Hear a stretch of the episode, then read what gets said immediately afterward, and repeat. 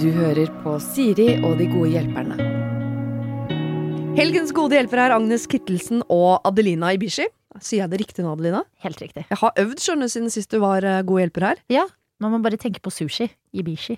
Og det tenker jeg på nesten hele tiden nå, så det Ja. går veldig greit. Eh, nå nærmer vi oss jo jul, så jeg klarer ikke å spørre mine gode hjelpere om noe som, eh, annet enn julerelaterte ting. Eh, er dere i gang? Juleforberedelser? Ja, jeg i alle fall. Eller forberedelser og forberedelser, men jeg er i gang med feiringa.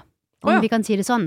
Ja, jeg begynte på søndag med, med gløgg og skumnisser og pepperkaker og eh, hyasinter og julestjerner og alt. Så jeg, jeg har mer fokus på feiring enn forberedelser i år. Hyasinter? Ja. Hva er det? Ja, det var vi i Norge sier svipel. Vet du er, altså sånne, sånne små Kanskje kan på latin? Ja, altså det er sånne løkvekster som lukter veldig sånn jul. Som Å, finnes i lilla og hvitt og rosa og Og er det de som blomsterforretningen nå har begynt å dyppe i gull og den slags? For at rota også skal være litt fin? liksom. Riktig. riktig. Skjønner. Mhm.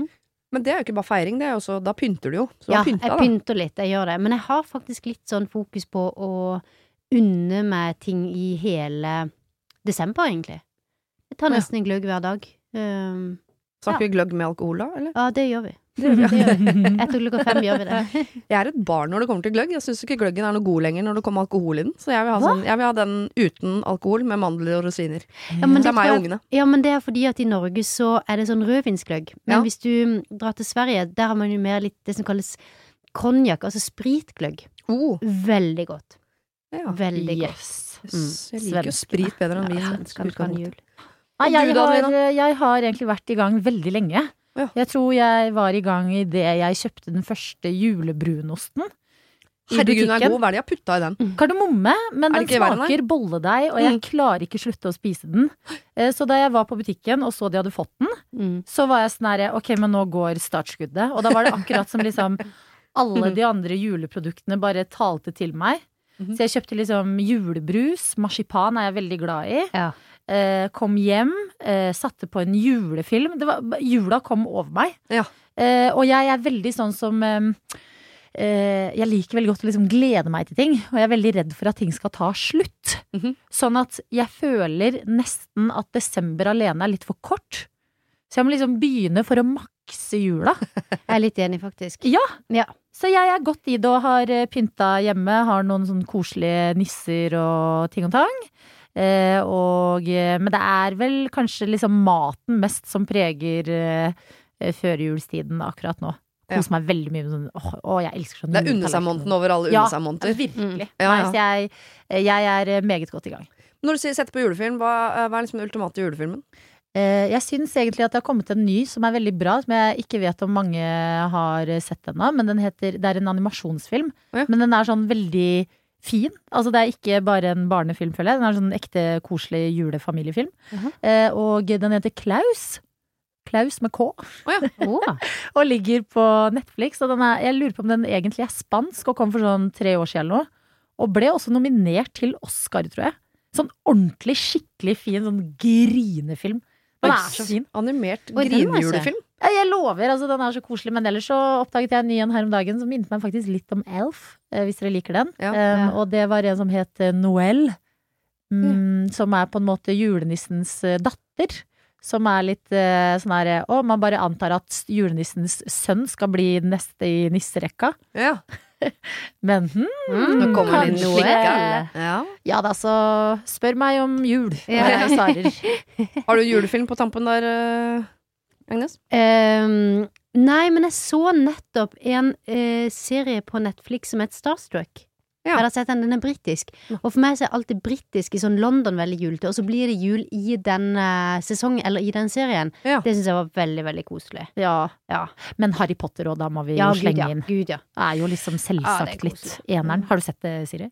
Jeg tror jeg har Totalt har jeg nok sikkert sett alle filmene, men aldri fra start til slutt. Bare sånn bruddstykker her og der. Sånn Ja. til sammen Så så til sammen har jeg nok sett Harry Potter, ja. Ja.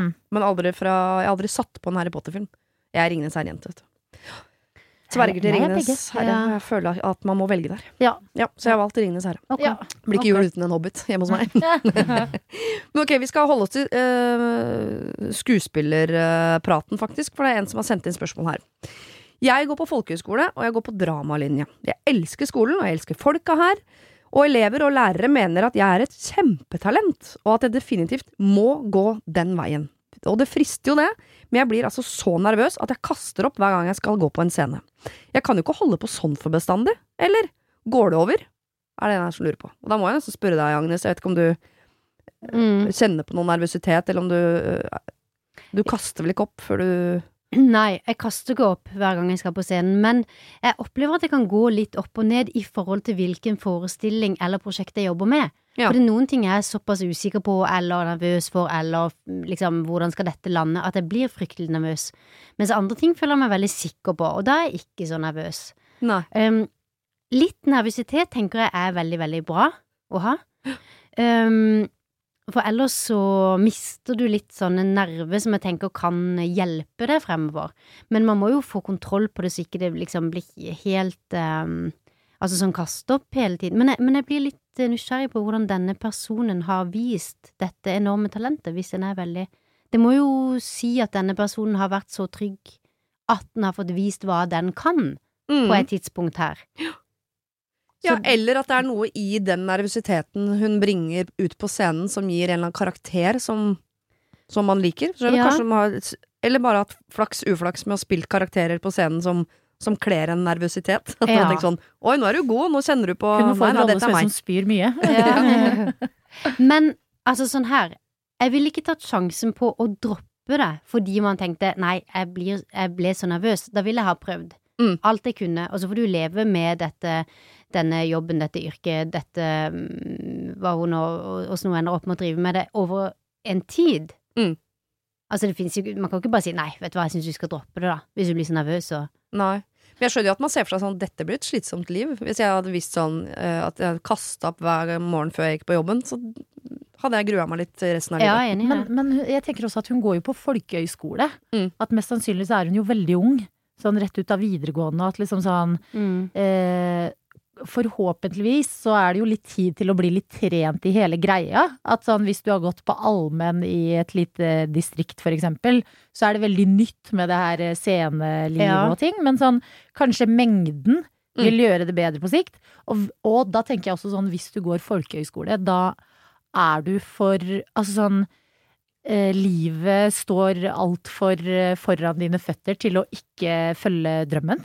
Når man er eh, Altså hvis du har skikkelig lyst, men eh, sliter med nervene på si, så er det sånn Du må i hvert fall gi det et forsøk.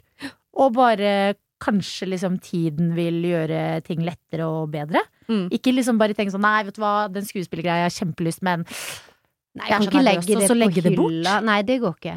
Og jeg tenker også, altså når jeg tenker om- tilbake nå, når du sa Når jeg gikk på Teaterhøgskolen, jeg var sykt nervøs, altså. Hvor gammel var du da du kom inn? Uh, da var jeg 19. Ja, oi, Mm. wow!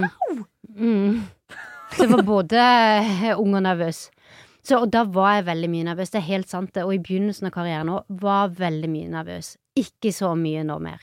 Nei. Pluss Nei. at det er jo, man føler at alt står på spill. At alt er flaut. Det er jo en Ja. alder hvor det er flaut å skille seg ut. Det er flaut å være for dårlig, det er flaut å være for god. Alt er egentlig litt sånn flaut. Mm. Og hvis du i tillegg da får høre fra alle elevene på skolen og læreren at du er et megatalent, Ja.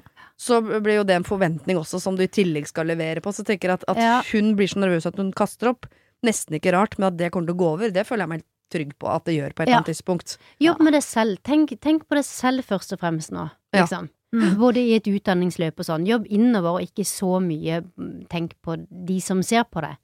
Og hvis man går dramalinja, så er det jo også veldig sånn Dette husker jeg var litt sånn nytt for meg da jeg begynte å studere. For da hadde jeg Jeg studerte journalistikk og statsvitenskap, så følte jeg at på videregående hadde jeg vært, hatt veldig Skilt meg ut positivt på Mm. de fagene, på en måte. Mm. Men så begynner du å studere det, og så er alle de som har skilt seg ut på de fagene. Ja. Og det kan også være litt sånn Mm. overveldende, kanskje. At liksom omgivelsene dine nå er hele dramalinja. Mm. Og at man blir stressa av situasjonen og føler et slags press, da, bare fordi at nå er det så mange om beinet, på et vis. Ja. Mm. At man er ikke den ene i klassen som driver med drama, og liksom det nailer du, og du er så god.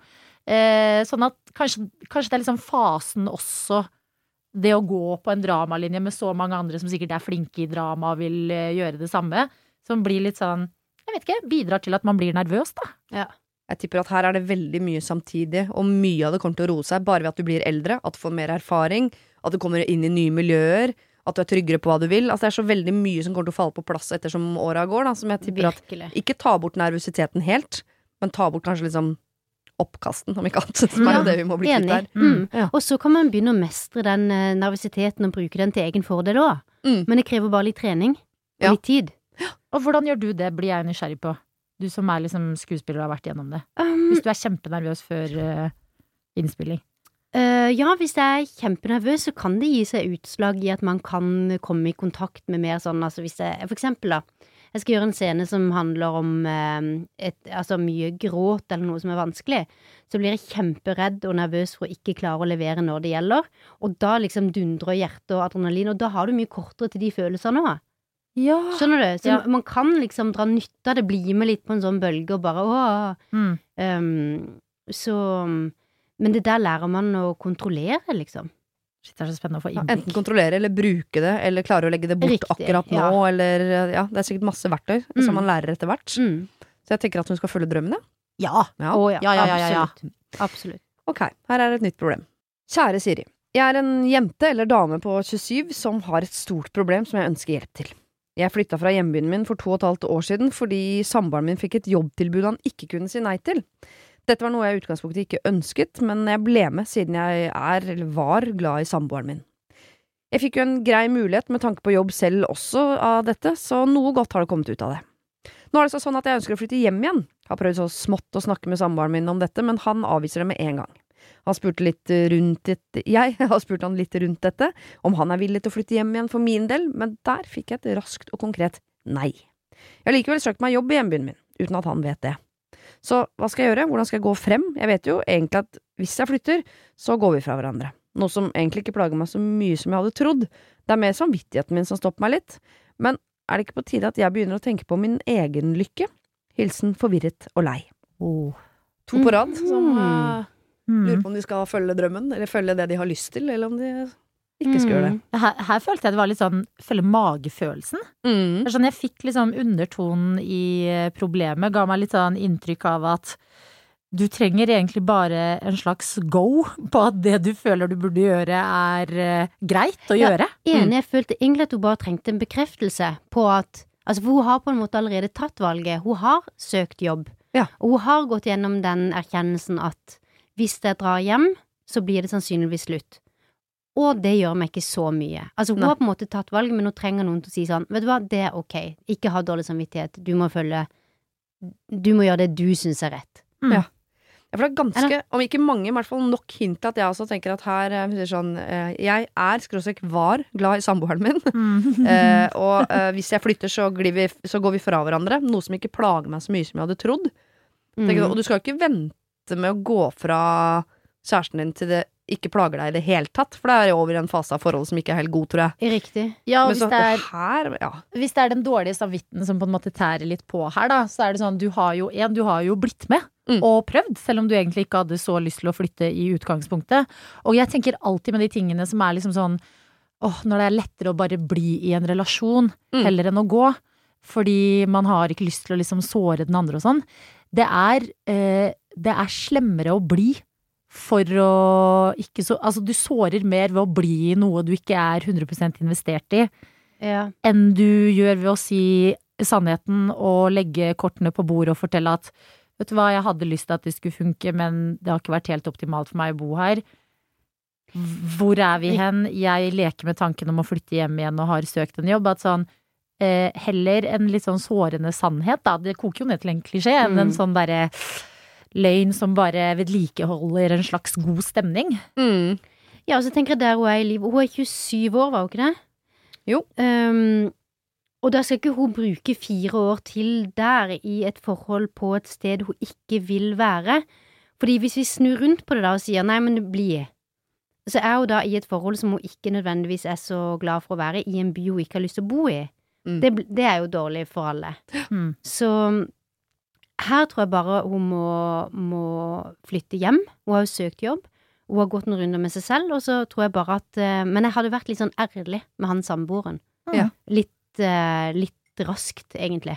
Jeg synes, det er det jeg syns folk flest er dårligst på i relasjoner til venner eller kjæreste eller hva det er. Være åpen på hva man tenker underveis. At det er akkurat som man tenker at hvis jeg sier hva jeg tenker, så er det så øh, definitivt, på en Ja. måte. Så hvis jeg sier til han at jeg har lyst til å flytte, så er det på en måte Men hvis ikke han får være med i den prosessen, så har han jo ikke muligheten til å rette opp i det heller. Det er så typisk at man sier fra når det er for seint. Når Ja. hun kommer til å si fra sånn Du, jeg har fått en ny jobb i en annen by jeg, og skaffa meg leilighet, og jeg drar i morgen. Han har ikke nubbesjans til å på en måte si sånn hei, hei, hei, nei, jeg vil være med, og jeg vil jobbe for dette, og jeg tror det er deg og meg og sånn. Hvis du sier fra allerede nå at jeg hører du ikke vil flytte, men jeg vil virkelig det, og jeg blei med deg, og det er egentlig din tur til å bli med meg, nå har jeg søkt jobb, og jeg kommer til å takke ja til den jobben. Uansett, egentlig. Mm. Og så kan vi jo prøve på avstand, eller hva vil du? Skal vi prøve avstand, eller tenker du at du vil prøve å være med, eller hvordan gjør vi det? Men hun, jeg har tatt et valg, jeg har søkt den jobben. Mm. Mm. Det er akkurat som hun føler at hun har noe å skamme seg over, eller si unnskyld for. Det må du ikke gjøre. Du må bare si Ja, sånn som du sa, Siri, bare være åpen på dette er min situasjon, og sånn føler jeg det, og sånn har jeg rett til å føle det. Ja. Um, og sånn er det. Hva tenker du da, når jeg sier dette? Ja, og jeg tror bare hun gruer seg til for den, Man veit jo ikke hvor den praten ender. Nei. Den praten kan ende opp i at han 'Å, herregud, jeg visste ikke at det var så alvorlig. Jeg elsker deg jo. Skal vi gifte oss? Jeg blir med.' Eller kan ende opp i sånn, vet du hva. Jeg blir her uansett, jeg. Så da Mm. er dette slutten, egentlig. Det kan ende opp i brudd, det kan ende opp i Mm. forlovelse, eller det kan ende opp i hva som helst. Mm. Det er klart du gruer deg til en sånn samtale. Mm. Det skjønner jeg veldig Du godt. kjører bil med bind for øya. Eller altså, Ja. du, ja. Nei, men jeg, jeg tenker også litt sånn der at eh, det er jo veldig lett for å føle et slags sånn At man gir opp på et vis, eller sånn Når hun har vært med å flytte til denne byen for han og føler at hun har liksom ofret litt, da. Mm. eh, og har investert litt i det livet deres sammen, så er det jo lett å liksom tenke at hvis man bare fortsetter i tralten, Mm. så er jo det helt greit. Men jeg bare syns ikke at livet skal være helt greit hvis det ikke er det Tralt Du er føler? 27. Det er mye Ja. tralt, ass. Det er for mye tralt. Ja, og det er så lett, og dette må jeg bare si, fordi at jeg liksom er Jeg er 29 år i dag! Men ehm, eh, det må jeg bare si at liksom mine venner som også er i slutten av liksom 20-årsalderen, at det, det koker nesten ned, fordi man er i den alderen og etableringsfasen, er, hvis man har vært sammen med kjæresten en stund, til sånn eh, baby eller breakup, på en måte. Mm. Og du vil i hvert fall ikke gå den etableringsveien med en du tenker meh, jeg klarer meg kanskje greit uten deg, bare for å liksom lappe på situasjonen eller forholdet. At, at jeg vil virkelig liksom råde deg til å ta dine egne følelser på alvor. En Ja. baby er ikke nødvendigvis en kjærlighetsboost. Det må jo bare være lov å hilse fra denne nei. siden av bordet og si. Men eh, jeg tenker at hun Nå har hun søkt den jobben, og eh, vi sier go på at hun skal ta den jobben og flytte. Ja. Eh, men at hun må være ærlig og åpen med kjæresten sin i prosessen. Og så tipper jeg hun også, idet hun får svar fra den jobben Hvis det, hun får svaret 'nei, du fikk den ikke', og hun blir ekstremt lei seg, Ja. så vet hun at det riktige for meg er å dra dit, for jeg har tydeligvis ekstremt mer lyst enn jeg hadde trodd. Får hun ja fra jobben, og hun får en sånn ekstrem gledesfølelse, yes, jeg fikk jobben, så ligger jo svaret der. Ja. Får hun jobben, og hun tenker sånn, å nei, ja, da må hun kanskje tenke litt mer. Men det er sant. Den Mm. der blir en litt sånn indikasjon på hvor hun er hen. Ja. Men, men vær litt mer åpen med den der samboeren. Ja. Um, Ja, inkludere i prosessen. Ja. Og ikke legg det opp til han, sånn, hva tenker du om dette? Men si sånn, dette tenker jeg, jeg har søkt jobb, jeg kommer til å flytte, hva vil du? Ja. I stedet for at, jeg- at du, du, hun legger jo alle korta i hans fang, ja. Mm. og så må hun bli med på den kabalen han legger. Nei, det syns jeg ikke. Nei. Nei. Nei, men han, han kommer jo i hvert fall til å høre på det du har å si, for du har jo hørt på han og tatt hensyn til hans valg. Mm. Så det er jeg ganske sikker på at han liksom Om dere ender opp med å være uenige om resultatet, så vil han i hvert fall være liksom lyttende i prosessen. Og så syns jeg, og jeg skal ikke bringe øh, jentegutt inn i dette, men det er litt typisk ofte for jenter at de tenker Jeg har ikke egentlig tatt stilling til om jeg liker deg så godt, men jeg liker veldig godt at du liker meg. Mm. Ja. Og det er viktig for meg. Jeg trenger Mm. at du liker meg, fordi det gir meg en eller annen eh, verdi. Men jeg, om jeg liker deg, har jeg egentlig aldri tenkt over så mye. Nei, det skal man drite i. Ja, det må man drite i. Ja. Det må man vokse fra. Det må man. Vi skal ta et nytt eh, problem. Kjære Siri og hennes gode hjelpere. Jeg og samboeren har vært sammen i fem år og har nylig fått en sønn. Gjennom disse årene har forholdet mellom meg og svigers vært noe anstrengt. De klager støtt over at vi aldri kommer på besøk, og at det er min familie som blir prioritert. Men når vi kommer på besøk, som ikke er så sjeldent, må vi tvinge ordene ut av de, og de kan plutselig sovne midt i en samtale. Fins det noe kjipere enn samtalepartnere som sovner midt i en samtale? Vi har å eh, rekke Vi har prøvd en rekke ting. Vi har ringt dem, invitert dem på besøk, tatt dem med på ulike opplevelser, osv. Problemet er at det alltid er en unnskyldning eh, til at de ikke kan komme, og dersom de kommer på besøk, så ringer søsknene til samboeren min støtt. Forholdet mellom samboeren min og foreldrene har jo vært øh, komplisert, og jeg er redd for at dette går videre inn på oss alle. Han har snakket med foreldrene om dette uten noe videre resultat. Og foreldrene, de sier at de liker meg, men de viser liksom noe annet likevel. Er ikke handling mer enn ord? Skal jeg stole blindt på dette? De andre svigerbarna er jo så fantastiske, og de får høre det støtt, men ikke her. Etter at sønnen vår kom, har jeg prøvd enda mer, jeg sender bilder, jeg tar initiativ, inviterer på besøk, ringer og mer. Jeg får svar, og de virker oppriktig takknemlige for alt som er relatert til barnebarnet, men de tar aldri kontakt selv. Bør de ikke selv gjøre en innsats også? Kunne ikke de selv ha ringt i det minste for å snakke med barnebarnet? Det er ingenting jeg heller ønsker enn et godt forhold, spesielt for barnet mitt, men tålmodigheten min, den er i ferd med å renne ut. Fem år med forsøk, det er lenge. Så hva skal jeg gjøre? Jeg håper dere kan hjelpe. Hilsen Ida. Åh, stakkars Ida. Hmm. Det er Ja. en skvis. Mm. Jeg, altså sånn Nå er ikke dette et eh, ekspertfelt for meg, dette med kjærlighetsspråk, men det høres bare ut som de har forskjellige måter å vise hverandre eh, at de verdsetter hverandre. At sånn Tenker altså- du Ida og svigerforeldrene da? eller? Ja, Ida og svigers. Mm. At sånn for svigers så handler det kanskje om liksom det å, å komme på besøk og vise at man liksom setter av tid og prioriterer de. At det er liksom grei nok bekreftelse. Da vet de at ok, sønnen vår og svigers og barnebarn er eh, glad i oss. Mm. Mens for Ida så virker det som det er liksom mer initiativet og samtalene. Mm.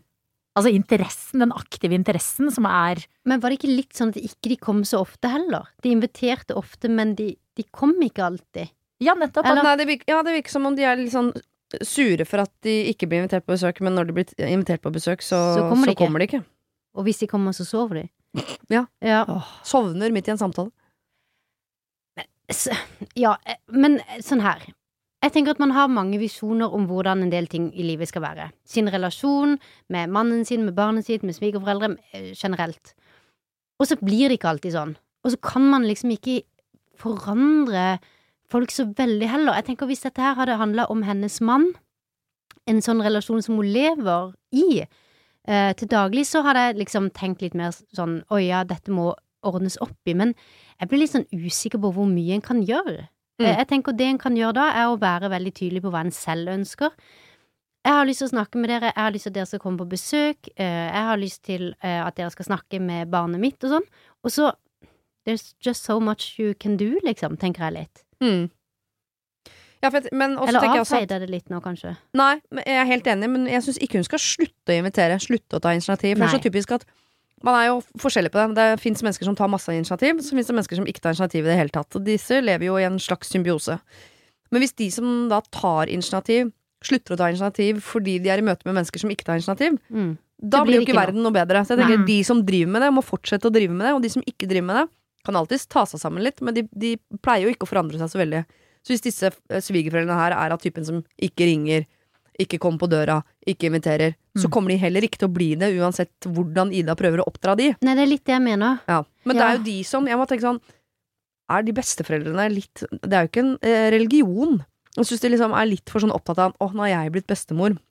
Skal hylles som bestemor, og det skal legges til rette for at jeg er fin bestemor. Tenk sånn Ja, du er bestemor, men det er din jobb. Mm. Hvis Ja. du har en god relasjon til mitt barn, så får du lage den relasjonen. Mm. Det er ikke et bed jeg skal uh, plante dere to i, og så skal dere stå og blomstre. men Dette det, må dere finne ut av selv. Ja, for jeg tenkte også nå sånn, går det an å prøve å snakke om det på et vis? Sånn, har det blitt forsøkt, eller er det sånn fordi når man, når man har en følelse Mm. av at noe er feil, så leter man jo alltid etter sånne ting som kan backe den Bekrefte teorien litt, Mm. ja. Ja. At man er sånn 'å nei, se nå ringte de ikke', eller ditten datten. Mm. At sånn kan det være bare veldig bra for alle, og så ja, så er det kanskje du, Ida, som må liksom gjøre eh, halve jobben nå, men å liksom faktisk sette de ned og, og forklare din situasjon, at du prøver å sende bilder av barnebarn, og at du prøver å Men du lurer på om det liksom Er det noe? Men hva er det hun vil med det, da, i så fall? Det er at de sier oi, ja, det, det var jo innmari dumt, vi skal bli mye flinkere til å eh, komme når du inviterer, eller vi skal prøve å sove mindre når vi snakker sammen. Altså, jeg er litt sånn usikker på hva som kommer ut av det, bortsett fra at hun får sagt at hun er litt misfornøyd. Og vil det hjelpe den relasjonen? Ja, det er jo det- det er spørsmålet, da. Jeg bare ser for meg at sånn At kanskje de bare trenger å bli litt sånn obs på at Altså folk som har levd så lenge i liksom vanlige rutiner, som har blitt rutinene deres. Mm. Jeg føler de er helt blinde på det. Ja, noen, noen ganger trenger man, bare en sånn bøtte med kaldt vann i trynet. Ja, litt. Mm. At sånn, kan en sånn litt sånn forenlig prat være den bøtta med kaldt vann? Og forklare bare Hei, jeg har et behov for å ha et godt forhold til dere, og jeg prøver, men jeg trenger at dere prøver litt tilbake. Ja, jeg tror ikke jeg ville tatt en sånn uh, satt meg ned og tatt en generell prat, men jeg tror kanskje i situasjonen hvor jeg syns det var veldig tydelig, kunne poengtert for eksempel sånn Når du sovner midt i en samtale, så får jeg jo inntrykk av at du ikke syns det er så spennende Ja. å snakke Ja. med meg. Eller du har sendt bilder av barnebarna, og de har ikke svart. Så kunne jeg sagt sånn Syns dere det bildet var fint, eller skal jeg slutte å sende bilder? Altså at jeg Mm. Å, hvis man klarer det uten å være anklagende. Jeg hører jo til og med at jeg høres sur ut nå når Ja, jeg det forteller der om det. jeg- Men det er når du sa bare det, så hørtes det så passivt ut. Og Ja, da føler jeg man taper. ja, Når man jeg går i den derre at sånn, det å, å klare å holde hodet kaldt og bare litt sånn nøytralt legge ting Mm. frem. Ja. Altså, jeg tenker, altså min strategi i forhold til akkurat det som har med svigerforeldre å gjøre Nå elsker jeg mine svigerforeldre, det er kjempefint, men der om noe sted så har jeg valgt å bare ta ut det positive, ikke sant? Um, fordi det er egentlig ikke en valgt relasjon. Du har jo svigerforeldre, eller du har ikke det, ikke sant? Det er jo ikke et vennskap som du tenker nei, her blir det så lite tilbake at jeg tror jeg dropper det ut. De er der nå, uansett. Og der har jeg iallfall valgt å bare Jeg fokuserer bare på det som er positivt, og tenker Ja. sånn å, det, nå har hun strikka det, det var fantastisk fint, eller um, så. Altså, jeg, jeg tenker at det er et område hvor jeg ikke fokuserer på noe som eventuelt kunne ha irritert meg, eller som ikke ble som jeg hadde tenkt, eller Mm. Ja, Det altså høres veldig smart ut. Også forholdet mellom samboeren min og foreldrene har jo vært komplisert. Så jeg kan tenke sånn, hvis din samboer har et litt vanskelig forhold til sine foreldre, så begrenser det seg jo litt hvor det er, det er ikke, Hun kunne sikkert vært en reddende engel som kom og fiksa det, men det kan jo hende at de bare ikke er så tette på sønnen sin, Nei. og at det er litt rart for dem å være veldig tett på deg. Kanskje dere har dårlig semi. Sier jo ikke noe om deg eller dem. Nei. Kanskje bare ikke dere er noe god match. Kanskje, Kanskje ikke de er så opptatt av barnebarn. Nei. Og det er en Kanskje annen ting hvor folk Ja. eh, tror at liksom alle besteforeldre skal stå på pinne 24-7. Det er jo egentlig ikke sånn. Det er ikke alle som Det er noen som tenker nå har jeg voksne barn, det var deilig. Ikke så sugen på en runde til. Mm. Det hørtes litt hardt ut, men men kanskje hun heller skal fokusere på å være en god partner for samboeren sin. eh, Høre hva han syns har vært vanskelig med sin oppvekst, og så bare backe han litt, og ikke gjøre det vanskeligere, iallfall. Men bare Mm. Mm. prøv å gjøre så hyggelig du kan når dere er sammen, og, og fortsett å sende de bildene. Ja. Uh, vær den du har lyst til å være i den relasjonen. Mm. Fortsett å invitere, send bilder og gjør det du gjør. Det er Ja. bare fint. Mm. Og så kan man sikkert til å bli skuffa, fordi man har sett for seg sånn Når man hører om de som har sånn fantastisk For de drar en uke på Vestlandet med besteforeldrene sine fra de er små, og som jeg gleder meg mest til jul, for da kommer bestemor, og vi har alltid så lange, fine samtaler, og når vi kommer dit, så har hun alltid 100 kanelboller i fryseren, og Mm. det derre best, det der fantastiske sånn bestemorforholdet. Eh, det kan man bli misunnelig Jeg har aldri hatt et sånt forhold til eh, mine besteforeldre, men jeg har alltid liksom vært misunnelig på det. Men du kan jo ikke Du kan jo ikke lage det hvis ikke det er der. Nei, du kan Og det er bare være mammaen fremst du er. ja, ja, Liksom. og så tenker jeg Ida, du må være verdens beste mamma. Prøve å være øh, ha verdens beste forhold til mannen din. Og den ringen utafor der begrenser seg litt hva man kan gjøre. Og det er jo Ja. Ja, det blir synd for barnet deres, som kanskje Mm. vokser opp og tenker sånn Skulle ønske jeg hadde verdens beste bestefar og bestemor. Det har du ikke. Nei. Og de taper jo også på det, fordi de får ikke den tette relasjonen til sitt barnebarn. Men det her med forventninger syns jeg er spennende. Fordi at det, det eh, Litt overfladisk tips, men viktig også.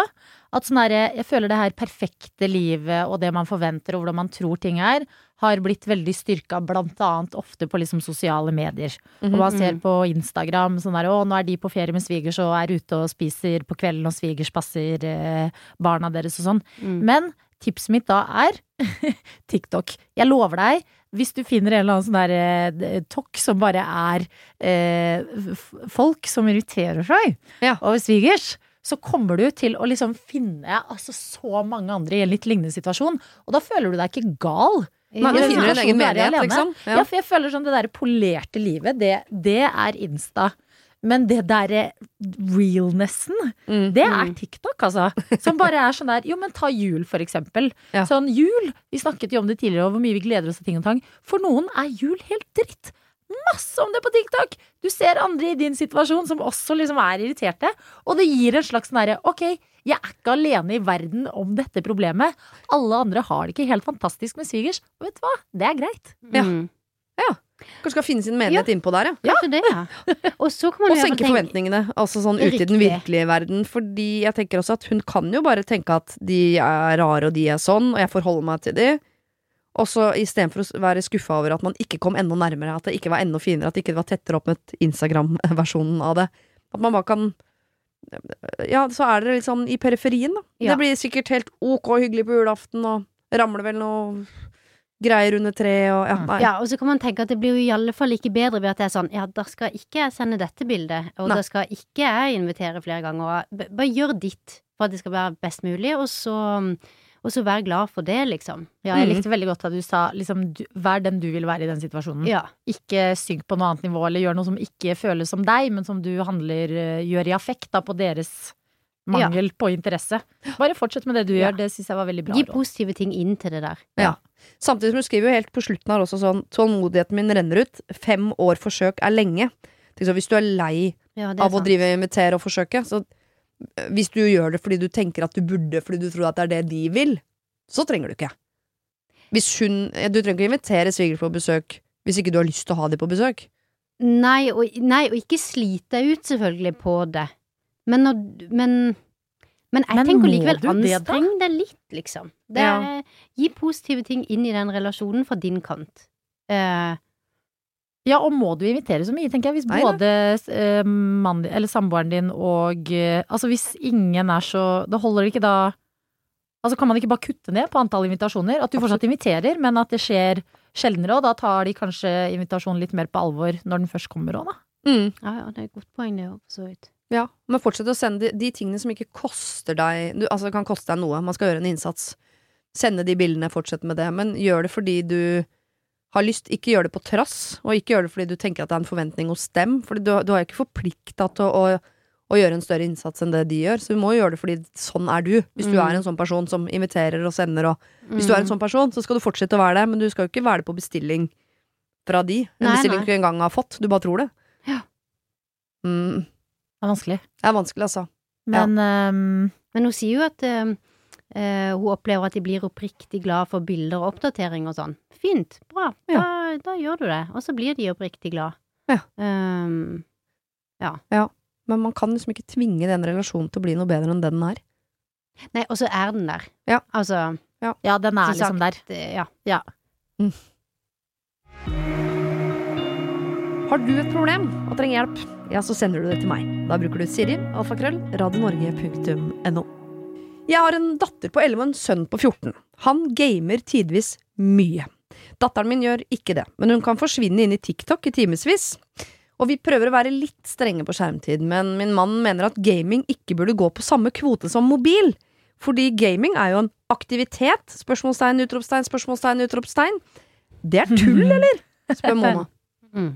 Her er det et voksen par som ikke blir enige om eh, antall timer foran skjerm Ja. eh, overfor ungene, og om gaming burde gå inn i samme, liksom.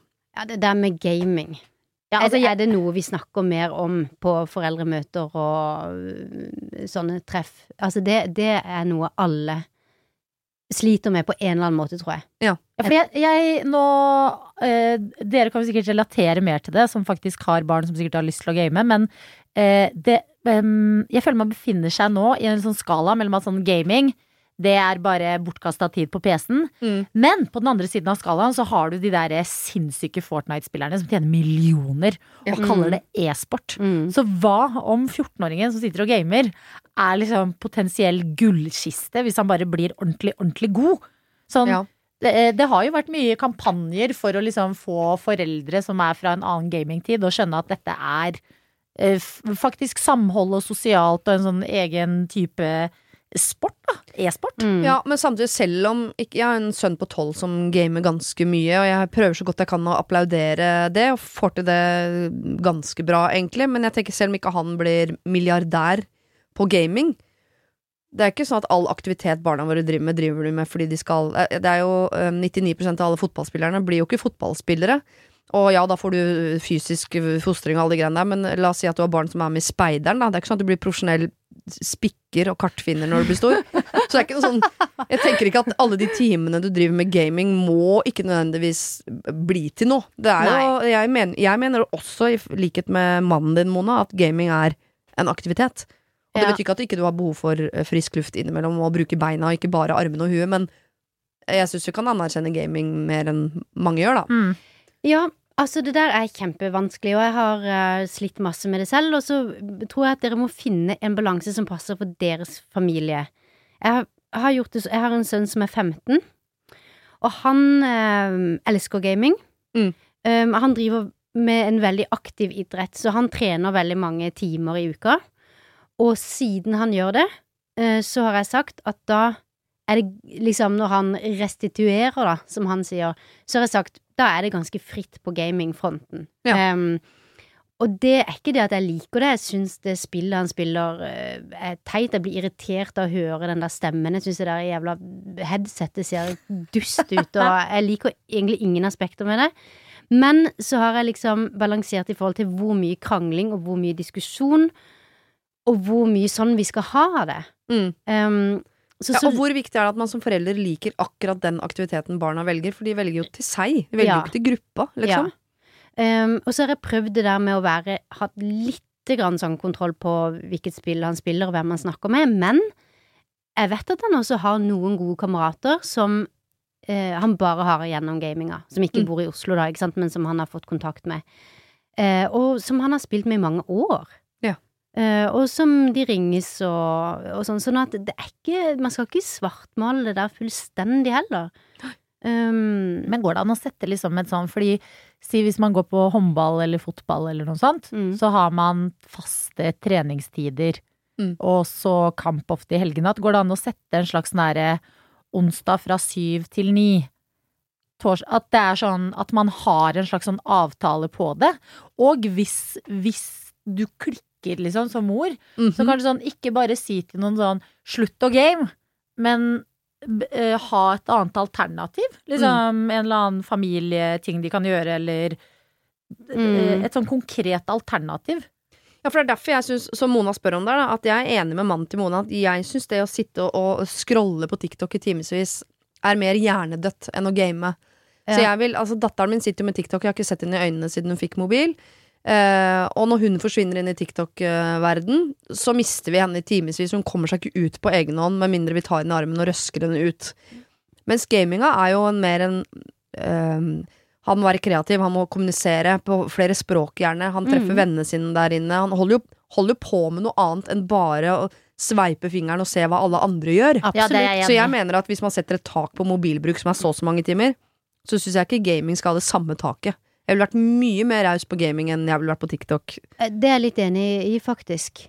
Um, og jeg har òg liksom prøvd å Nå har ikke dette vært sånn kjempestort problem ettersom uh, for min sønn har så få timer fri, så hva han gjør med de er litt sånn opp til han. Men jeg har jo prøvd å spørre om råd og dette her og lest meg litt, og da, da snakker de jo veldig mye om at vær litt forsiktig med å svartmale det der gaminggreiene. Det, det skal ikke gå ut over liksom liv og helse, men det mener de jo litt sånn det er for mye hvis barna ikke får nok søvn, ikke spiser nok, ikke får fysisk aktivitet, liksom. Ikke ha sett dagslys siden i fjor. Ja. ja, det er dumt. Eh, så alle er jo klar over at det Men, men jeg, så tror jeg også at man liksom må embrace det litt. At uh, hvis jeg bare skal gå rundt og irritere meg over at sønnen min gamer når han gamer, så blir det helt utholdelig. Og da mister du det også, hvis sønnen din i dag faktisk opplever noe ubehagelig på uh, i, i forbindelse med online gaming, Ja. da. Mm. Så kommer han jo ikke til deg og sier det, for du Nei. hater jo den gamingen, så vi ikke høre noe om det. Nei, og Sant. jeg prøver meg på å spørre litt, ja, åssen gikk det? Uh, hva, er ranken din? Altså sånne ting. Og så, og så tør han opp, og så har vi det litt hyggelig med rundt det òg, da. Ja. Så, men nå husker jeg ikke helt hva spørsmålet var. Var det at, om det skulle være samme tak? Eller om Ja, man kunne sidestille det? Mona mener at uh, det er bare tull at uh, gaming er en aktivitet. Og hvis vi skal ha et tak på skjermtid i familien, så gjelder det også gaming. Nei, jeg syns ikke de skal sidestilles. Nei. Å scrolle på mobilen er ikke det samme som å game. Nei, jeg er så enig i det. Mm. Selv om vi, du elsker jo TikTok, da, Adelina, det har du sagt, men Ja, nå, nå føler Tre jeg meg jo Tre timer med aktiv, liksom, scrolling nei, jeg er der. Jo, altså, det er jo det verste jeg vet å gjøre, å bli sittende og bare scrolle på telefonen. Ja. Men jeg gjør det jo, og det gir meg noe der og da. ja.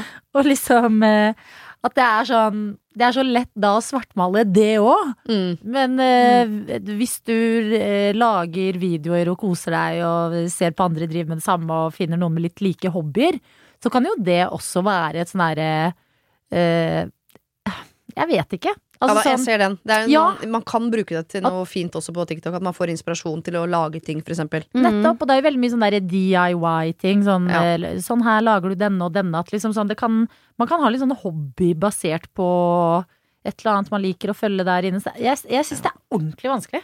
Men å oh, sitte og se på søte hundevalper i tre timer, som jeg kan hvis jeg forsvinner inn der, så har jeg sett altså, 100 000 valpevideoer. Ja, ja. Det får jeg ikke brukt. Den tida får jeg ikke Nei, igjen. men, men jeg er nok enig i det. Jeg ser mye mer at liksom sånn eh, Man bare har ikke kommet liksom fått definert det mer som en sånn faktisk aktivitet, men gaming eh, Jeg er nok enig i at det er mer eh, eh, fruktbar bruk av skjermtid Ja. enn uh, Men kanskje hun skulle prøve å snakke litt med, med Var det sønnen som var gamer? Mm. Ja. Snakke litt med han, faktisk. Uh, uh, hvilke spill spiller du? Ok, hva går det ut på? Hvem er det du spiller med? Spiller du online med noen som du kjenner, eller ikke? Altså sånn, bare gi det et lite forsøk eh, til å dykke bitte litt ned i den der gamingverdenen, og så Så ikke det bare blir en sånn derre um, hva skal jeg si, bare en sånn herre ting som er der og bare er mørk og kjip og dum, liksom. Jeg tipper hadde sønnen hennes spilt fotball, så hadde hun stått på sidelinja og heia og håpa at han scora mål. Men uh, når det er gaming, så er det veldig få foreldre som står på sidelinja og heier, og det tror jeg er litt dumt. Mm, det er litt ja. farlig, det, altså. Mm.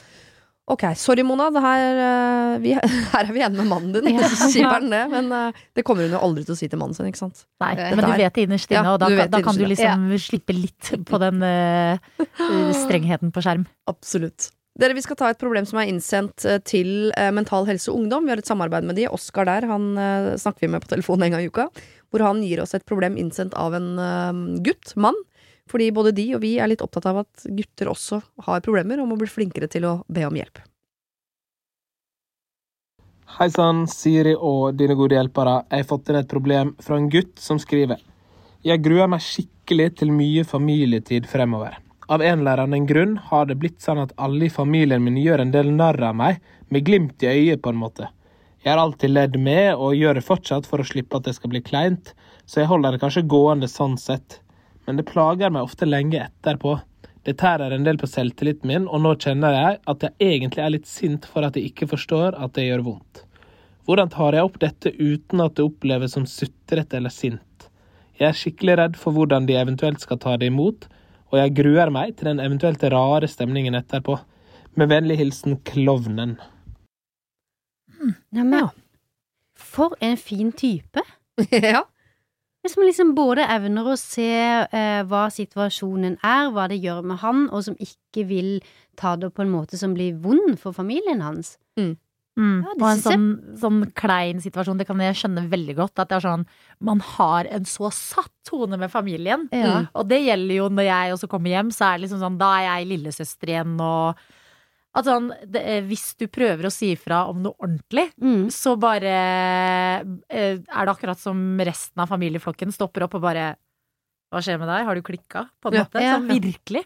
At den der, den kleinheten han frykter, den kan jeg jo skjønne. Ja, man kan få sånne roller, altså, Ja. virkelig, i en Mm. familie som ikke nødvendigvis gjør deg noen tjeneste. Men, men jeg syns han hadde så reflektert eh, og fint forhold til det selv, da. Mm. Jeg tenker bare gratulerer med det, og, og mm, Men hvordan blir man kvitt den forventningen om at Det er liksom klassens klovnproblematikk. Sånn, hvordan blir man Ja. kvitt den forventningen fra alle rundt deg om at du skal være på en spesiell måte? Men Så har du ikke lyst til Det å jeg tenker sånn. på nå er, Går det an å hente liksom Å dele de tankene et annet sted enn med familien? At sånn den familiedynamikken i sånn, i, Så godt det går an å si, så kan man jo gi et lite hint. Kanskje ikke le eller like mye på de vitsene som går på deg, eller noe. Mm. Men sånn kan du Hvis det plager deg skikkelig hvordan familiedynamikken er, og det er det jo veldig mange som har, liksom dårlige, dysfunksjonelle familiebånd, Mm. Eh, Så liksom sånn herre, ok, snakk med noen som ikke er en del av familien. Ja. Om sånn, du, jeg skal hjem i jula, der venter åtte personer. Sånn og sånn blir det. Har du noen verktøy til hvordan jeg kan takle det, på en måte? Ja. Og så gå i den retningen. Det er jo liksom liksom det han gjør nå, da. Ja, men, sånn, men, men, men noen andre som faktisk kan gi han liksom sånn verktøy. Ja. Ja. Jeg, jeg tenker i hvert fall at han sier sånn 'jeg spiller med', sier han jo. Det må han jo slutte med, for da er han jo med på å, å nøre opp under den forventningen. For han Ja. gir jo stadig ny næring i den forventningen hvis han spiller med. Mm. Og så er det vanskelig å bryte det mønsteret, men eh, hvis ikke han klarer å bryte mønsteret, så tror jeg har jeg veldig liten troa på at de rundt klarer å bryte mønsteret. Fordi jeg tror de ville blitt kjempelei seg hvis han kom hjem en jul, og istedenfor å være klovn, så skulle han være eh, eh, sint og sur og si jeg er drittlei og sånn og sånn og sånn. Fordi Mm. alt fram til nå så har han jo spilt med sånn at de tenker at dette er gøy. Mm. De har ikke fått en eneste beskjed eller et eneste hint om at det ikke er gøy. Mm. Og ja, kanskje de burde ha forstått, men det er ikke så lett å stoppe opp og forstå folk hvis du på en måte tenker at nei, se, nå er han gøyal igjen, og vi erter, og sånn er tonen her. Mm. Så jeg tror det vil ah, føles som litt brått for dem hvis de plutselig stopper opp nå, og han blir sint for noe han aldri har sagt fra ham. Så han må jo begynne med å ikke liksom spille med, kanskje si fra Jeg ble sagt fra sånn litt når jeg fikk en kommentar på sånn ja, Hvis jeg var eh, familiens klovn, noe jeg absolutt ikke er, og jeg kom inn i et rom, og det var liksom en sånn Se, der kommer trultemor! Ja. La oss si det jeg har sagt der, da. Eh, så ville jeg kanskje der da sagt sånn, vet du hva. Eh, Ha-ha, trultemor, men jeg blir faktisk lei meg når dere kaller meg trultemor. Fordi jeg har ikke lyst til å være trultemor.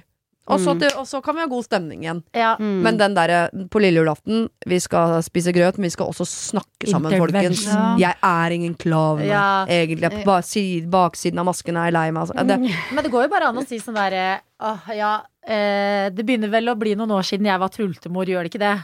Ja. Sånn i den situasjonen. Og liksom bare ja. prøve å hinte litt om at nå er du en eldre person som kanskje kommer hjem i jula og ikke er den der det, det klovnen på samme måte da, som du var da du var si åtte år gammel eller tolv. Mm. Ja. At det blir, og hvis noen kommer med de samme jokesa som de alltid gjør, så liksom i din stil si sånn der Ja, det var øh, nesten like gøy nå som det var da du sa det i 2012. På en måte, Ja, eller sånn, ja. sånne småting som viser litt at Det tror jeg er er bra. ferdig med det. Ja. Det tror jeg er kjempebra, hvis du klarer å være litt sånn snappish tilbake. Mm. Fordi hvis du hver gang får et eller annet sånn ja, trultemor, alt går i grisen, et eller annet sier sånn Du, øh, det der var faktisk ikke så veldig gøy. Mm. Så blir det liksom mange små sure beskjeder som kanskje bare er sånn at man får lyst til å si sånn Hva er det med deg, liksom? Er du på dårlig humør, eller hva, hva er greia? Men hvis en klarer, som du sa nå, å være litt sånn festlig tilbake sånn, så, så er det jo fantastisk. mm. Mm, Da er det litt sånn hint motsatt, føler jeg, på, de, på alle i den derre termen man allerede har fra før. ja. At sånn at det blir ja ikke en sånn Stemninga er forsvinner ikke ikke nødvendigvis, men Nei. man får en liten sånn Fordi hvis, noen, hvis jeg alltid har tulla med søsteren min om noe, og så Ja. sier søsteren min Hvis hun liksom snur seg litt plutselig og sier sånn Drit i det. Ja. Så hadde jeg bare "Ah, Hæ? Liksom, Ja. jeg, jeg hadde følt meg så Jo, men gjør det nå. Ok, Så følte du deg dum i ti minutter, da, men er det ikke din tur til å føle deg litt dum da? For han har jo gått rundt og vært lei seg i årevis. Det Mm. kan han ikke snu det bordet litt? altså, Eller at han kan starte jula i år med å si sånn Vet du hva, i år er jeg så sliten. Jeg, jeg kan vi bare ikk- Jeg orker ikke så mye sånn tull på meg i år, liksom. Mm. Ja, for jeg var ikke helt fremmed om å ta den praten. Ikke sånn herre men, men bare være litt sånn rett frem. Du, jeg er bare Jeg er så eh, lei eh, av å være sånn eh, klassens klovn i min egen familie. Jeg trenger Ja. bare ah, være meg sjøl og få liksom eh, Og så ta det sånn som dere vil ta det, liksom. Det er min melding.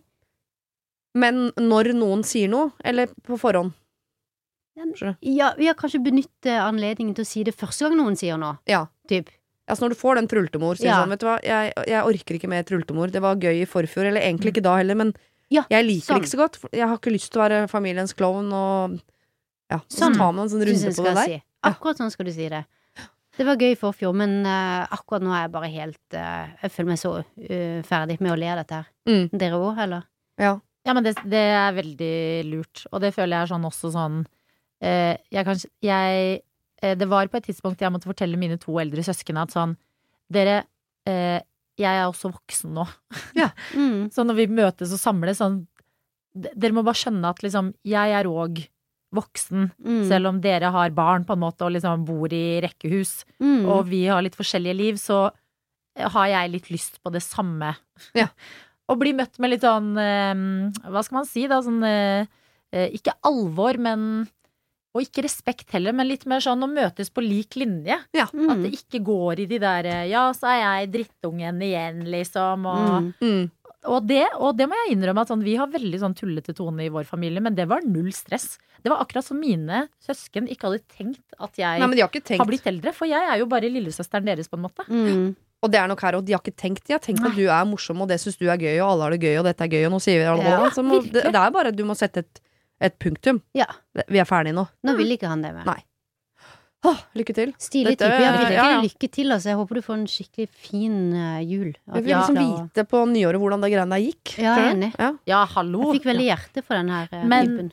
Og om det er liksom litt sånn i øyeblikket, så bare resten av livet ditt blir så mye bedre. Ja, jeg er enig. Ja. enig. Jeg eh, sier som jeg har sagt før, at du- man må gjøre en del ubehagelige ting for å sørge for at livet ikke blir helt jævlig. Sånn er det bare. Mm. Mm. Ok, vi skal i en barnebursdag. Her står det. Hei. Mm. Eh, Vi har en utfordring her. Jeg har en gutt som går i første klasse, og det nærmer seg bursdagstid. Vi har snakket mye om at det er viktig å inkludere alle i klassen. Enten alle guttene eller hele klassen. Han er venner med to av jentene og vil gjerne ha med dem, og alle guttene bortsett fra én.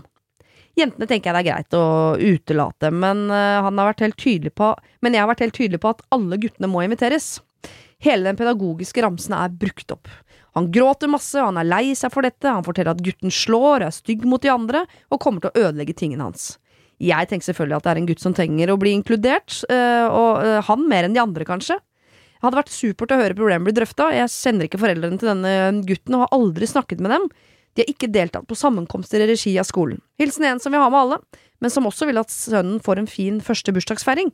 Jeg regner med at jeg ikke er alene om denne problemstillingen. Kall meg hva dere vil. Mm. Mm. Det skjønner jeg at hun vil. Ja. At hun både vil inkludere, og at hun vil at gutten sin skal få en fin eh, En fin feiring. Ja. Um, Men ja, det der Jeg fikk bare Jeg sitter veldig lytter på tips momentant sjøl i dette problemet, Ja, det- jeg skal bare ja. være helt stille og ta notater. ja, jeg, jeg burde ikke idle det. Den barnløse med å sånn ta ordet her. at når man tar barn ut Det er iallfall min erfaring. Når man tar barn ut av den der vanlige settinga Det var første klasse han gikk i, var det ikke det? Jo. Ikke sant? På skolen og sånn og sånn og sånn. Og så får denne gutten som ikke har vært sånn kjempegrei med han, kommet hjem til, til han, og det er en fest, en annen, så tror jeg det skal mye til at han begynner å erte og slå, og som regel så kan det der bli en ganske sånn fin greie, at man kanskje kan ehm, Ja, at de, de kan ha det hyggelig sammen. Mm. Kanskje for første gang. Mm. Ja, jeg er helt Um, enig, fordi det er en ting på den bursdagsfesten som kanskje ikke er i skolegården, og det er liksom voksne. som også er foreldre til uh, han er bursdagsbarnet. Mm. Som liksom De er jo åpenbart veldig nært på, det er hjemme hos eh, de. At sånn, han vil jo Han kommer jo ikke til å være slem i den bursdagen, den, eh, dette barnet som er slem i skolegården. Ja, med mindre det at han gjør disse tingene er fordi han er usikker, og at ved å være hjemme hos noen så er han fortsatt usikker, for han kjenner vel sikkert også på at han ikke er så inn i varmen som de andre, og hans måte å kommunisere på foreløpig Mm. er litt sånn Ja. dytting, og det er jo en måte å få oppmerksomhet på, som ikke kommer fra et slemt sted, bare et veldig usikkert sted. Og jeg, jeg syns det er fint hun sier at er det én som trenger å bli inkludert her, så er det han. Ja. Selv om han jo kan jo være lei av å være überpedagogisk mot andres barn av og til. Har bare lyst til å si sånn åh, kan ikke du stikke et annet sted? Orker Ja, men hvis, ikke mer, men hvis for, jeg tenker alltid sånn at det er litt, eh, litt seriøst, egentlig, når noens barn ikke dukker opp på sånn eh, eh, arrangementer i regi av skole og sånn. mm. At det, her, det oppriktig høres ut som han her mer enn andre trenger å bli invitert. Og jeg tipper han gutten kommer, men ikke foreldrene. Men det er jo Ja. ofte, hvis man har et barn som lager mye klabb og babb, så er foreldrene ofte litt mer slitne, og så man orker ikke Mm. Eh, Altså, man orker er kanskje ikke å møte, og man syns det er flaut, for man vet sånn åh, han kommer sikkert til å dra ned, rive ned noen tegninger, eller klubbe noen i bakhjulet. eller Ja. Mm. Så jeg skjønner godt at disse foreldrene De burde absolutt være der, men jeg kan skjønne at de ikke er det òg. Mm. Men hvis vi brekker det ned da og ser på hva er alternativet? Skal de invitere alle guttene i klassen minus han? Det går jo ikke. Nei, det går ikke. Det går ikke. Nei, det går ikke. Så, og og det må en forklare til barnet sitt. Mm. Vet du hva, Vi kan ikke ha alle guttene i klassen, og så er det én som ikke får være med. Det, sånn kan vi ikke gjøre. Og jeg vet at du ikke eh, føler deg trygg på han. Jeg vet at han har gjort noen ting med deg som ikke er så snilt, og vi skal sørge for at når han er her, så skal ikke det skje. Men vi kan ikke at én skal være utenfor. Men er det ikke også sånn når man går i første klasse, så er jo ofte foreldrene med i bursdag? Jeg bare Nei, lurer de bare på- leverer og henter, vel?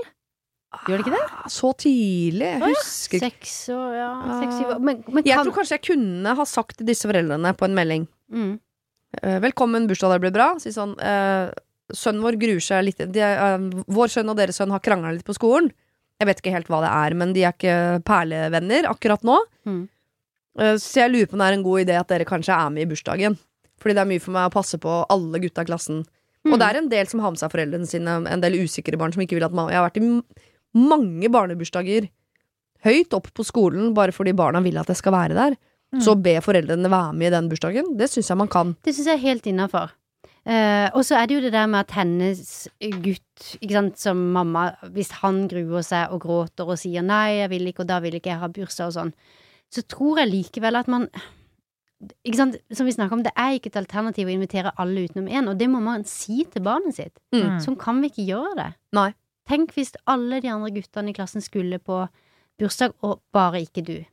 Mm. Jeg tror at et barn kan forstå det. Ja. Og så, som du sier, sende en melding til foreldrene, og, og, og bare si sånn, ikke si 'deres eh, sønn er kjip mot min', men si sånn 'der hadde ikke liksom vært helt problemfritt', så kanskje dere kunne vært med, og så ser vi hvordan det går. Og Mm. forhåpentligvis, og sannsynligvis, tror jeg, så kan det bli en hyggelig ting. At Ja. han er utenfor de der vante rammene, og han er usikker på skolen. Nå er han hjemme hos noen, og så tror jeg at det kommer til å gå bra. Det vet man til og med som voksen, at hvis det er noen man har problemer med eller ikke liker Mm. Nå har vi jo slutta å, å denge hverandre i hodet da, fordi vi er voksne, men man treffer jo mennesker innimellom og tenker sånn åh, du og jeg går ikke så godt overens. Mm. Så handler det jo i ni av ti tilfeller om at man må bli bedre sens så vise seg sånn å ja, jo, vi er jo, Ja, er jo ganske gode venner, vi. Ja. Mm. Ja. Eller vi har masse til felles. Ikke sant? Eller Og det tror jeg gjelder barna også. sammen med han. Jaha, ok, det kan bli litt awkward. Og så bare Nei, nå var vi i en annen setting, og så gikk det egentlig ganske greit. Ja, den hjemmesettingen tror jeg blir noe helt annet Ja. enn skolegården, for der er det liksom så øh, Ja. Men, men det er lov til å anerkjenne sønnen sin og si 'jeg skjønner det'. At Mm. eh, hvis, hvis det har vært litt ubehagelige situasjoner med han, og han ikke har vært så snill med deg, så skjønner jeg at du ikke syns det er så gøy. Ja. Men alternativet eksisterer jo på en måte ikke. Og dette er starten av De har gått et halvt år i første klasse, så man har jo Mhm. nesten ikke prøvd ennå. Og jeg tenker hvis de, Dere som foreldre kan også gjøre litt, at når denne gutten kommer i bursdag, hvis dere ser han ekstra er Mhm. ekstra Jeg syns i hvert fall det fungerer veldig godt. Jeg, eh, jeg syns jeg fort ser de barna som er sånne som han. Mm. Så ekstra hyggelig mot de, Mm. det skal så lite til før de snur, for det eneste de mm. vil, er jo å bli likt. Mm. Men stort sett når de treffer andre barn og andre eh, voksne, så blir de møtt med sånn Åh, du, Mm. må du. Ikke sant? Og da er vi tilbake til han klovnen som ble Må satt i, ja, i, i bås av familien sin. Ja. Setter jo den ungen i en bås, at du er alltid så vanskelig. Mm. Jeg kunne møtt han og Vi har gleda oss til du kommer og Mm. Um, Se, her er den, og her skal du sitte, eller Mm. Et eller annet. Men jeg syns også det var veldig Eller det hørtes veldig smart ut for meg. Nå føler jeg jeg sånn lener meg tilbake og hører på dere så, mm, mm, det, er, så- det er det som skjer i barnebursdagen, ja. Men det å liksom eh, sende melding til foreldrene Mm. og spørre om de kan være der og liksom Fordi de skal gå i klasse sammen lenge. Mm. At jeg tenker sånn, jo fortere de anerkjenner at det er litt sånn Uten at det blir en sånn veldig konfrontasjon, men heller bare at man er litt obs på situasjonen. Ja. Og er dette er det bra. foreldre som også trenger litt sånn voksenoppdragelse på sånn Det er faktisk fint om dere For det er så vanlig at det er foreldrene til de barna som ofte er med på mye av trøbbelet på skolen. Det er de som som oftest ikke er med på foreldremøter osv. Og, så videre, og som Mm. ikke skjønner at 'Å, jeg snakker dere om mitt barn?' Tror de snakka generelt, ja. Nei, vi Mm. snakker om ditt barn. Mm. Så de foreldrene her trenger en liten sånn på Jeg syns det er fint om dere faktisk er til stede den bursdagen. Mm. Liten sånn oppdragelse på sånn Dere er nødt til å være til stede. Mm. Mm. Og så kan det være for mange gutter som er seks-syv år, skikkelig, skikkelig vanskelig å begynne på skolen. Mm. Snille barn som bare syns den overgangen er helt forferdelig, og da blir man litt ko-ko, liksom. Ja. Så prøv å ta det med godsida, liksom. Mm. Til å begynne med, iallfall. Og i aller beste fall så er dette liksom, så kan dette reparere noe som gjør at det blir lettere å gå på skolen fremover. Og hvis du har overskudd av pedagogikk i deg, kanskje invitere denne gutten med hjem etter skolen en dag for å leke, sånn at de to kjenner hverandre før bursdagen. Mm. Mm. Hvis hun får sønnen sin med på det, da. Ja. Mm. Ja, men da kan man si til sønnen sånn, vi sjekker om det går, hvis han kommer hit og det er Og jeg må, jeg må se hva du mener, Mm. og hvis det er helt forferdelig, så må vi finne på noe. Mm. Fy søren, så mye drama det er i barns liv òg. Forferdelig. Mm. Grusomt. Masse. Og så er det veldig reelt for de. Ja, ja, det er, Det er jo, helt, det, det er jo et liv, det. reelt. Det bare er så Man tenker at barn bare leker og koser seg. Å nei, nei, nei. Nei. Veldig sjeldent. Mm. Ok, et uh, siste problem her, som heter Fantasere om sjefen. Oh, nei Jeg er en kvinne på 34, kall meg gjerne Frida, som har et crush på sjefen. Jeg er lykkelig gift og har et barn på to år. Sjefen er også godt etablert med dame og barn. Jeg og sjefen har en veldig god tone. Såpass god at jeg tenker at hvis jeg var singel, og hvis han var singel, så hadde jeg prøvd meg, og jeg hadde hatt sjans. Vi jobber tett sammen, ukentlig, både i formell og mindre formell setting. I festlig lag blir det gjerne litt ekstra hyggelig. Vi kan danse tett, flørte litt, og jeg sitter gjerne på fanget hans uten at det blir kleint. Praten flyter alltid lett. Nå merker jeg at jeg tenker mye på sjefen i det daglige. Han dukker også plutselig opp i drømmene mine, ofte litt intimt. Jeg lurer på om det hadde vært noe seriøst der om vi hadde møtt hverandre før vi ble etablert. Jeg fantaserer om at vi deler våre følelser og kliner litt sånn på si. Jeg trives kanskje litt godt i de stundene vi deler sammen i jobbsammenheng, både i arbeidstida og sosiale lag. Er det greit å fantasere om sjefen eller kollegaen? Bør jeg si det til ham for å stikke hull på fantasien? Jeg tror han kunne forstått det og ledd av det, og vi kunne fortsatt hatt et godt samarbeid uten at det ble kleint. Men tenk hvis ikke, da? Jeg ønsker å opprettholde den gode, vennskapelige tonen vi har, gjerne også den flørtende tonen. Samtidig kjenner jeg også på en dårlig samvittighet overfor min fine, gode mann, som jeg har det så bra sammen med. Skal jeg kose meg med de gode tankene og flørtete stundene med sjefen, eller skal jeg stikke hull på bobla? Hilsen Frida. Oi, juicy. Her skal jeg vente litt hva jeg, med hva jeg mener, for det her er ganske, kan bli litt krass. Ja. Ja. Mm, men, men ok, det var jo en lang mail, men Mm. Hun kokte jo spørsmålet ned til Skal jeg kose meg med det på, liksom bare som det er, altså i tankene, eller skal jeg stikke hull på bobla? Det er jo egentlig det hun spør om. Ja. Mm. Å stikke hull på bobla er vel da å snakke med sjefen om det. Ja, det Som jeg mener det. ikke er å stikke hull på en boble, men fylle den med konfekt. Ja, fordi hva om det Hva om å stikke hull på bobla bare er liksom sånn Oi, shit, ja, men er du og gira? Ok, vi bare begynner å ligge sammen på kontoret. Plutselig. Ja, ja. At det blir heller en sånn der eh, Å erkjenne situasjonen vil føre til at begge føler seg litt sånn trygge på et neste steg. Det her er jo vanskelig, fordi alt det blir jo spekulasjoner. Ja. Ja. Men jeg tenker sånn Jeg syns det er ingenting feil med en sånn uh, liten jobb-crush. Som er litt sånn åh, det er han. Mm. Men når man jobber så tett, og han begynner å liksom eh, dukke opp i drømmene dine, og dere sitter på fanget og ting og tang på fest, Mm. eh, da, da tenker jeg at det har bikka litt.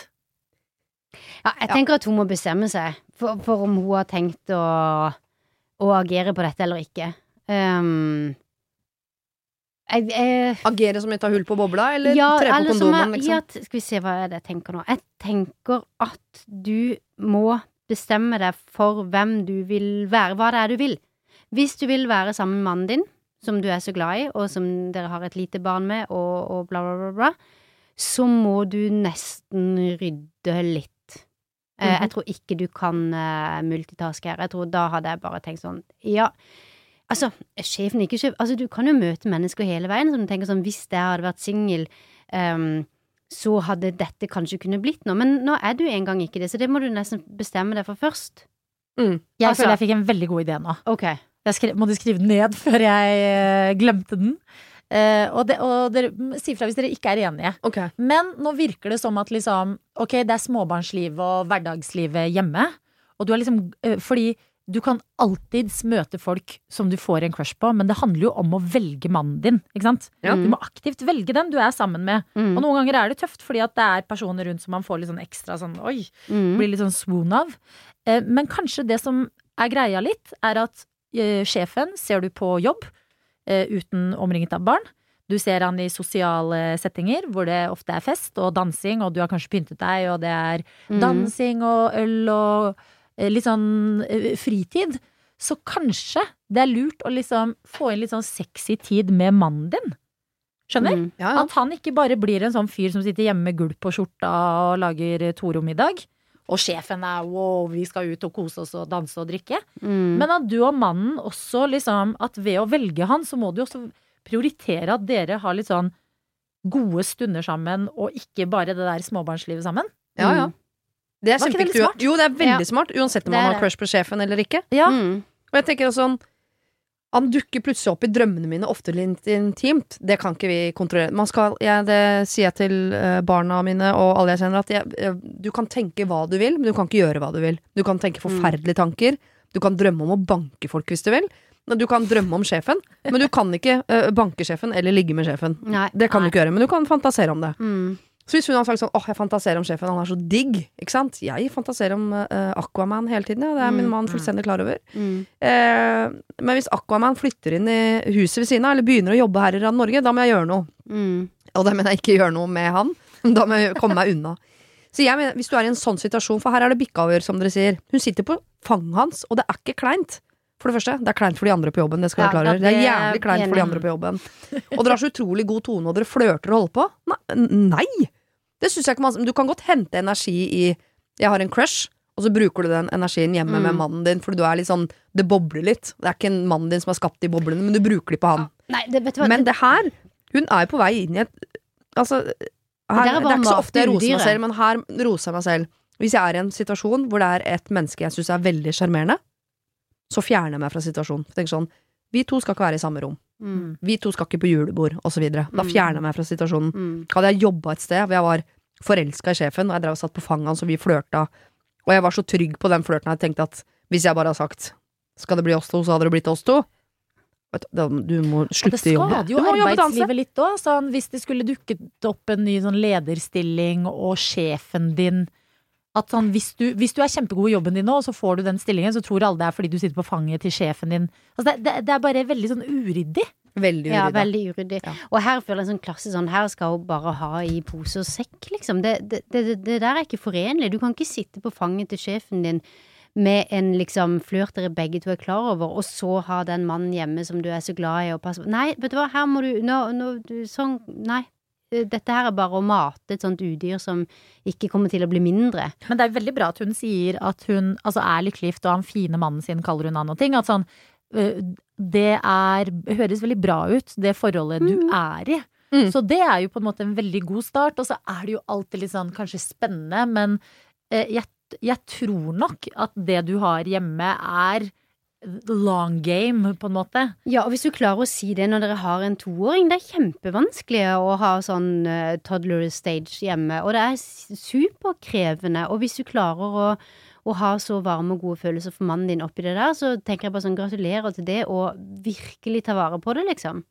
Og så er det feige lag, som du også sier, Adelina. Han, øh, han mannen hjemme med gulp på skjorta. Mm. Vanskelig for han å konkurrere mot han sjefen, som har liksom eh, status, eh, er ute og drikker, har det gøy, Mm. og i hvert fall ikke gulp på skjorta, liksom. Masse overskudd til bare å ha det moro. Uten å måtte Dra planlegge. Og det i morgen? Skal du ta Volvoen, eller må jeg sjøl Ikke sant? Ja, ja. Det er feige lag. Mannen hennes har jo ikke sjans. Nei. Så Frida, når hun spør skal jeg kose meg med de gode tankene, ja. Flørtende stundene, nei. Stikke hull på bobla, ja, men ikke ved å snakke med han, men hun må klare å uh, slutte med den aktivt flørtende greiene hun driver med. Kanskje på sikt klare å gjøre han mindre attraktiv oppi hodet sitt, denne sjefen. Du må Se han for seg i ekle med situasjoner. Ja. Se for deg at han Mm. sitter liksom og bæsjer og trøkker og sånn. Ja, ja. Se for deg de. Ekle bilder. Pass på å alltid gå på do rett etter han, så at Ja, du får lukter. kjent lukta hans. Mm. Og så syns jeg du skal mate deg selv med gode bilder om mannen din som er Altså fordi akkurat det der med å sitte med en sånn toåring og de er, det er trass, og de blir alltid sjuke, og det er så mye mekk med sånne småunger. Så da syns jeg egentlig man skylder samlivet sitt å mate seg selv med fantasier om mannen sin. Som var sånn Å, alt det der hyggelige man gjorde før man fikk barn, og hvordan det var i starten når en bla, bla, bla, bla. bla. Altså, et forhold øh, trenger så mye øh, Ja, liksom Prioritering. Prior- Liksom ja, å bli valgt. og hjelp, og, og man må legge seg godsida til akkurat i den fasen de er i nå hjemme. Men hun kan jo bruke, hvis hun klarer å slutte å sitte på fanget og slutte å liksom flørte aktivt, men bruke den crushen Jeg mener, det må Hun kan jo få lov til å tenke på sjefen, fantasere om sjefen. Kan til og med gjøre det når hun er sammen med mannen sin, for alt jeg bryr meg. Hun må bare Det, det må være bare i hodet. Du kan gjøre hva du vil i hodet ditt. Kan man gå ned til det igjen, så er jo det veldig bra jobba. Men jeg tror det er lurt nå å prøve å liksom faktisk være litt ute av systemet. Ja, men i hvert fall slutte å være fysisk Ja, Fysisk ja, med det på fanget, det må, det må Det jeg si. Altså, det er Ja. bare kleint. Og nå i Ja. julebordsesongen, Ikke man sitt ser på fanget til sjefen noen gang. Liksom. Nei. Ingen gjør det. Nei, ikke gjør det. Ja, liksom, det, det er bare uff, Men skal ikke shame deg for det, liksom. Sånn, hva vet vi om din arbeidsplass? Men bare med alt rundt, så bare høres det ut som han her sjefen din, han må du få ned fra den her eh, pidestallen litt, og det er mulig at liksom ditt hverdagsliv farger og spiller han litt ekstra god. Absolutt. Mm. Ja. Ja, ja. ok, jeg kan gå med på den. Ja. Uh, hvis du klarer det. Jeg vet ikke om jeg hadde klart det, men uh, Men uh, Det går an å fjerne en forelskelse. Du må bare se for deg han i alle mulige sånne duste situasjoner. mm. Ja. Altså, du Mm. må se han for deg ja, på, øh, Ikke at det er dust å gå på do, men du må se han for deg i usexy situasjoner. ja, eller hverdagslige situasjoner. Du må skjønne at hjemme, i huset der sjefen bor, så er han antageligvis akkurat som mannen din. Mm. Ja, og bare at liksom eh, Men det her reflekterer jo litt på deg òg, men det syns jeg er liksom sånn Det må vi kunne si til deg også, Frida. Men det er jo veldig usexy å være en sjef som flørter med sine ansatte og ber deg Eller sånn at du sitter på fanget hans og sånn òg. Ja. Altså, egentlig så er han allerede usexy. Det, det har jeg alltid tenkt på med sånne sjefer som eh, blander korta og har på seg mange hatter og sånn. Det har jeg alltid tenkt sånn Så dumt, liksom. Mm. Ja. du må enten være sjef, eller så må du være venn, liksom. Mm. Um, Og Nei. sjef, liksom, det er bare allerede feil med den maktfordelingen og liksom sånn ja, ja, ja. Vi kvinner er jo ofte enkle. At det er sånn åh, sjef, makt, Mm. oh, liksom at det det er bare for mye ting som jeg tror spiller deg et puss her, helt ærlig. Mm. At sånn hvis du hadde Fordi du sier at du liker mannen din, og han er drømmemannen uansett, så tror jeg at hvis du hadde liksom brekt det ned bit for bit, så er ikke den sjefen her, altså. Nei. En sjef som holder på sånn som vi hører det, fra utsiden, som ikke er inne i den samme bobla som dere er. Eh, mm, it's a no. Og så vet jeg det er til og med noen par som hadde klart å snakke om dette. Jeg ville aldri gjort det, og hvis mannen min hører på, ikke gjør det med meg, heller. jeg vil ikke høre om det, jeg kaster opp. Mm. Men eh, at hun kunne sagt til mannen sin Vet du hva, jeg fantaserer om sjefen på jobben min, jeg beklager, jeg kommer ikke til å gjøre noe med det, men akkurat nå gjør jeg det. Vi er her, det er gult på skjorta, hverdag. Hva skal vi gjøre som par? Mm. Men- kan hende. det vil ikke jeg heller ha hørt, Jeg, ville jeg, ikke, jeg hadde ikke gjort det til min mann, og han får heller ikke lov til å gjøre det med meg. Nei. Men jeg vet at noen par hadde kommet seg gjennom det. Ja, men det her har jeg Jeg har et uh, vennepar som uh, giftet seg nå i sommer.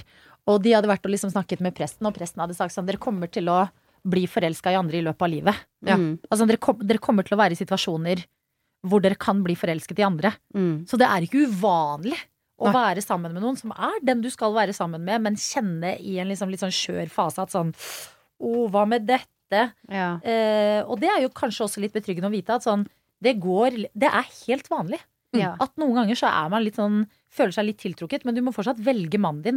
Ja. Du kan ikke velge å konfrontere sjefen din. Nei. Nei. Og, og jeg Nei. syns heller hun skal egentlig klappe seg litt på skuldra over at hun klarer å ha så varme følelser for mannen sin i den situasjonen de står i nå. Um, jeg har òg en toåring, og jeg syns at det liksom er Det er Texas. Mm. Så alt som er av, av hygge og gode følelser og sånn og sånn, det kjenner jeg bare sånn yes, yes, yes, yes, yes, det fikk vi til, liksom. Mm. Det, det er kjempefint hvis hun klarer det. Eh, så fokuser på det, liksom.